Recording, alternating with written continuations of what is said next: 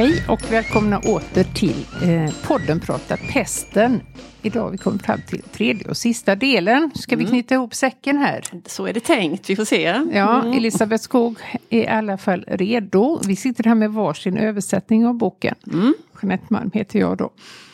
Eh, så vi kommer nog prata om liksom, olika eh, partier i boken som vi har liksom berörts extra av. Mm. Eh, vi kommer prata lite om slutet. Vi kommer prata lite om spekulationer som vi hade i förra avsnittet. Ja. Och sen lite grann om översättningarna.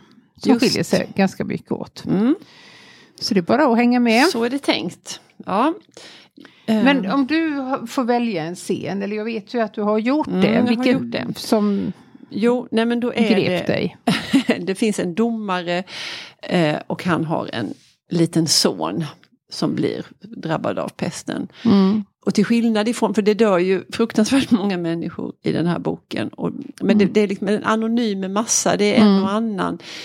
Eh, någon astmatisk gubbe, eller han kanske klarar sig. Men, men i alla fall, det är inte så många som man, man grips av. Eh, Nej, de är inte ju skriven så. anonyma och det, fokuset ligger ju mycket mer på Rieu som behandlar dem än på personerna. enskilda Ja. personers. Eh, Men den här lilla domarens lilla gosse i alla fall.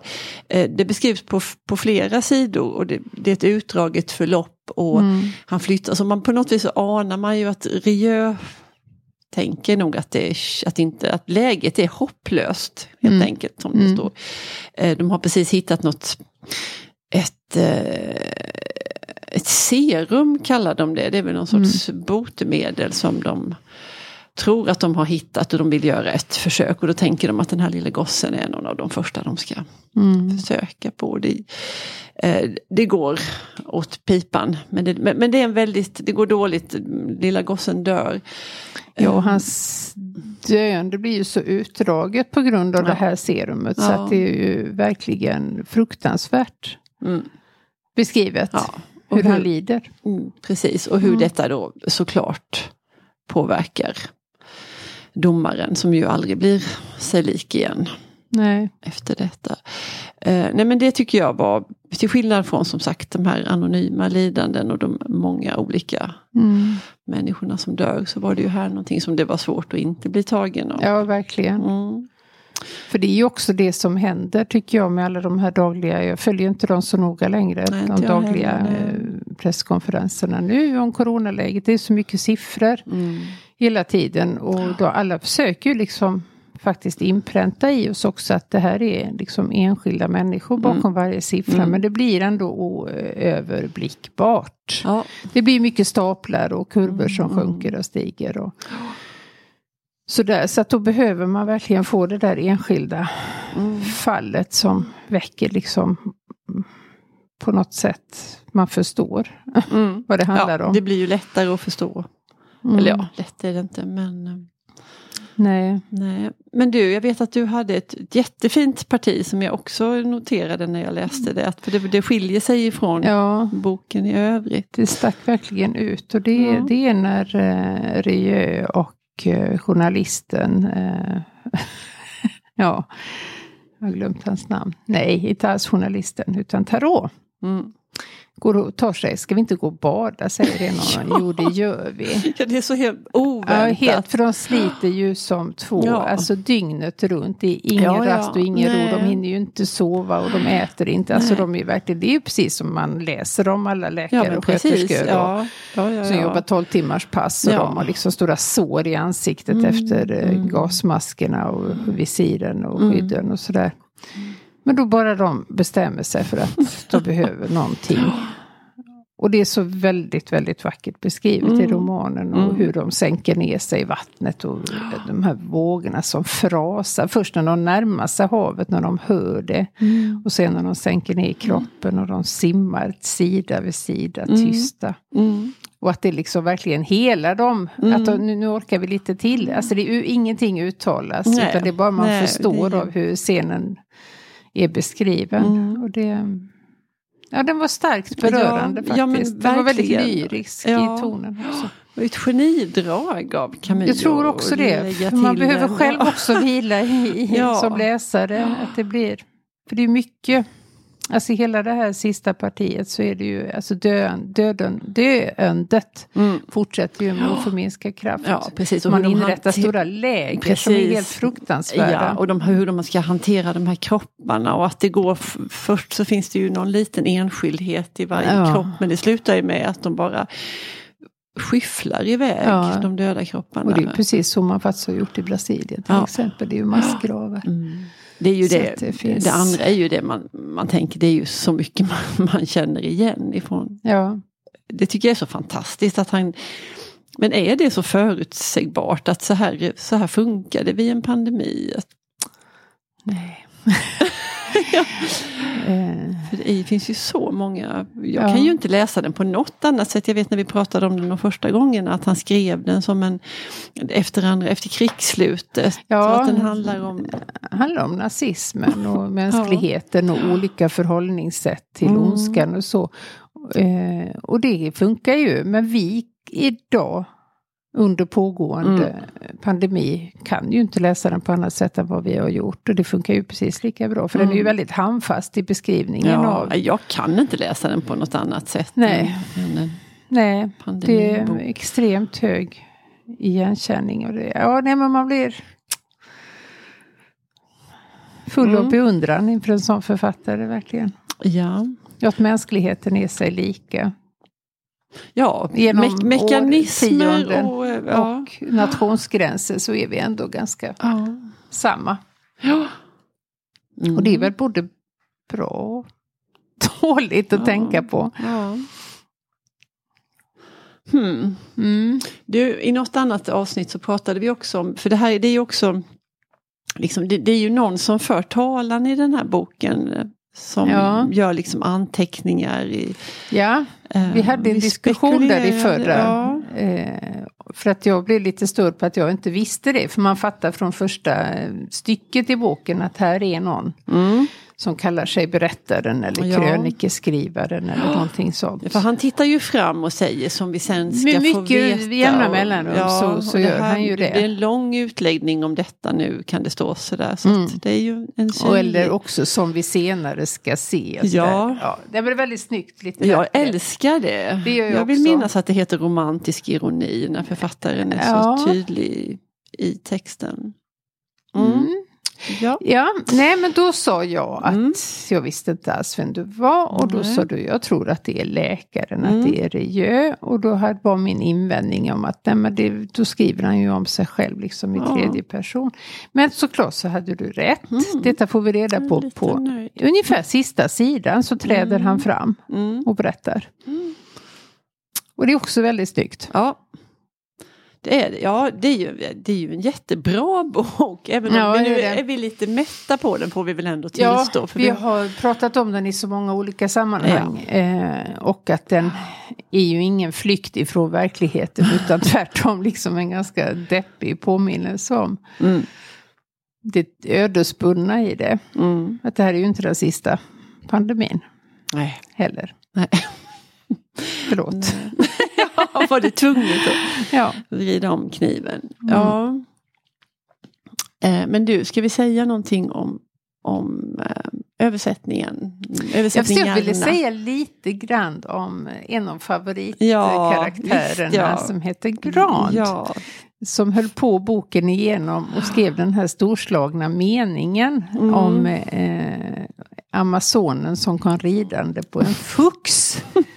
ja. Och man förstod också att han visste inte så mycket om hästar för vid ett tillfälle så hade han ändrat den meningen till en kolsvart fux. Mm, den var inte bra. Den var inte bra. Nej. Och detta fick han ju eh, sig påtalat och så då strök han det. Mm. Ja. Men han höll ju på och han såg framför sig ut hur, hur liksom det här skulle tas emot. Men han kom ju aldrig längre. Nej. Och sen han var väldigt att- upptagen av detta. Och jag ja, han var ju om, ja. fullkomligt besjälad in i det sista. Mm. Och han, jag måste bara säga, för jag tycker det är så underbart det där citatet som, han, som vi pratade om i första avsnittet också. När han liksom målar upp framför sig mm. hur det ska, vilken succé det här ska bli när han mm. kommer till förläggaren med den här. För då ska förläggaren skrika hatten av ja, för ett sådant av. mästerverk. Det ja, det var det högsta berömmet. Ja. ja.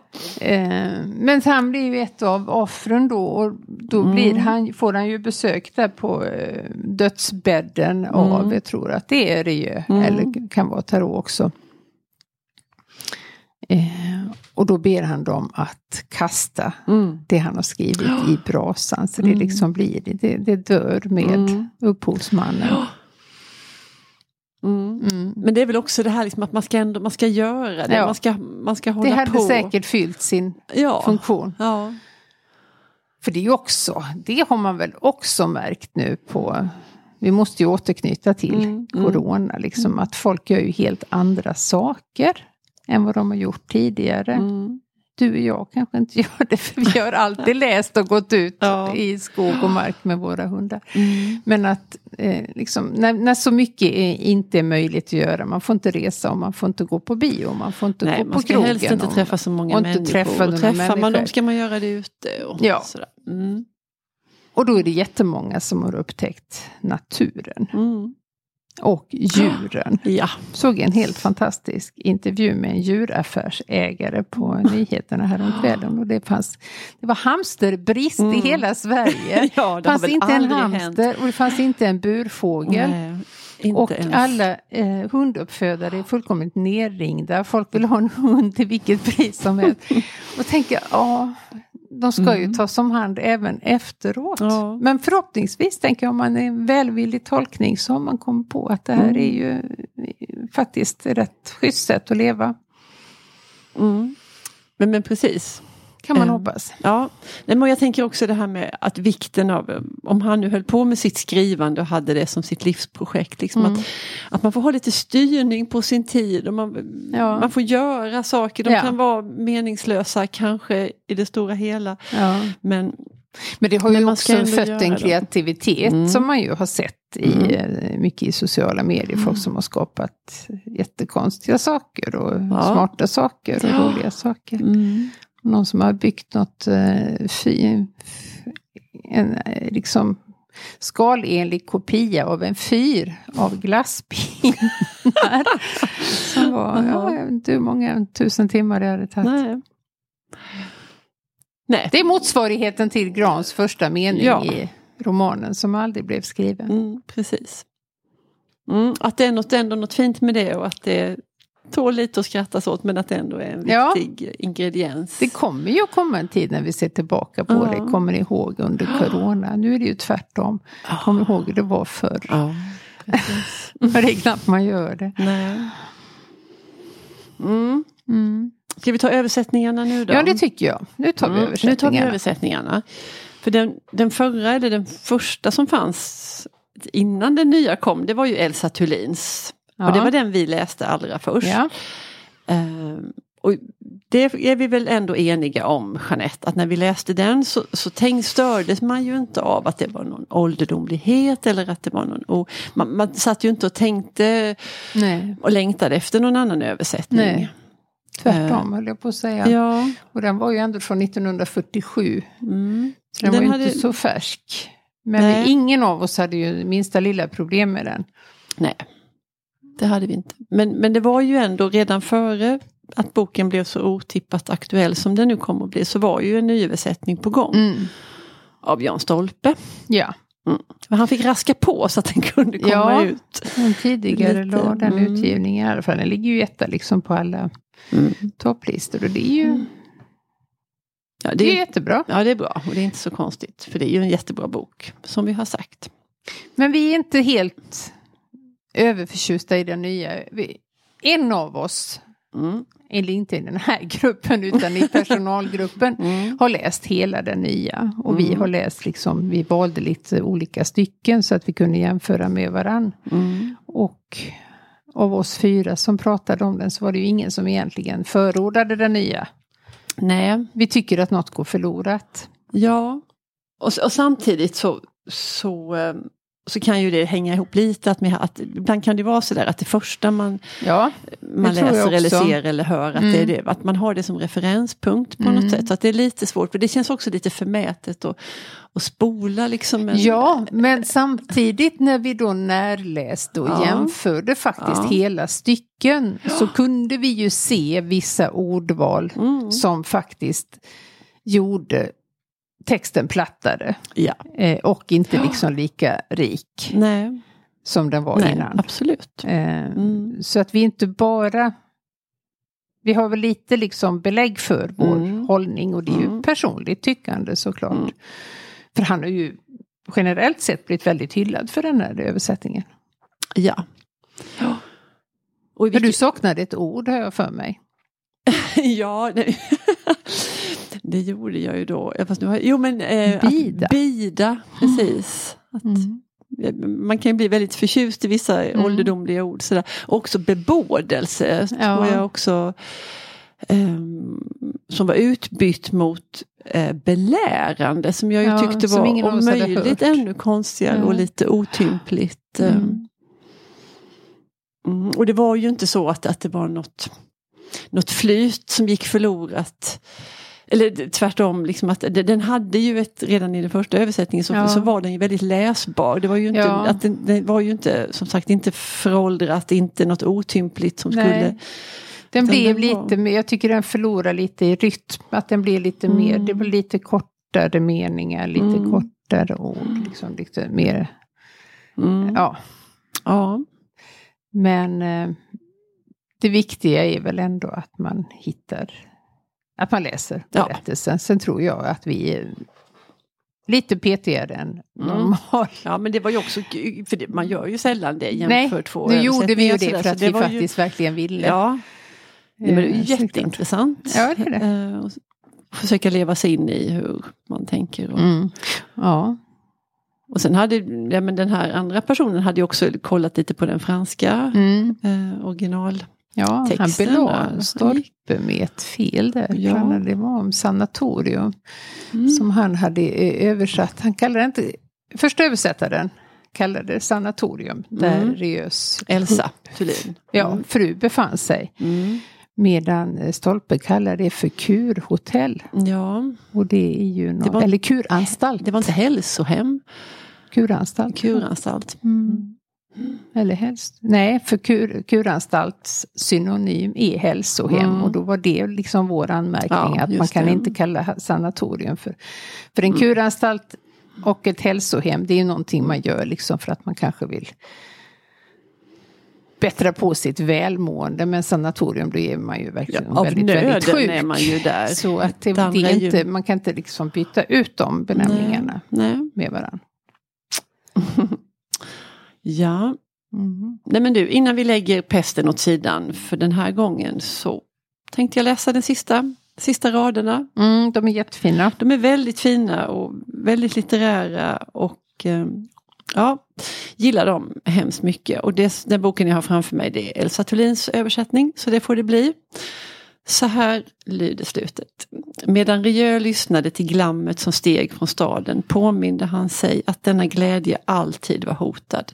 Ty han visste det som den jublande skaran var okunnig om och som man kunde läsa om i böcker, nämligen att pestens bacill aldrig vare sig dör eller försvinner, att den under decennier kan slumra i möbler och kläder, att den tåligt ligger och bidar sin tid i sovrum, källare, koffertar, näsdukar och pappersluntor. Och att den dag må hända skulle komma då pesten människorna till olycka och varnagel och nio skulle väcka sina råttor och sända dem ut att dö i en lycklig stad. Mm. Väldigt Tänk på det. Tänk på det. Ja, Ja. nej men eh, njut av sommaren och livet och böckerna. ja, så hörs vi snart igen. Mm. Hej! Hej då.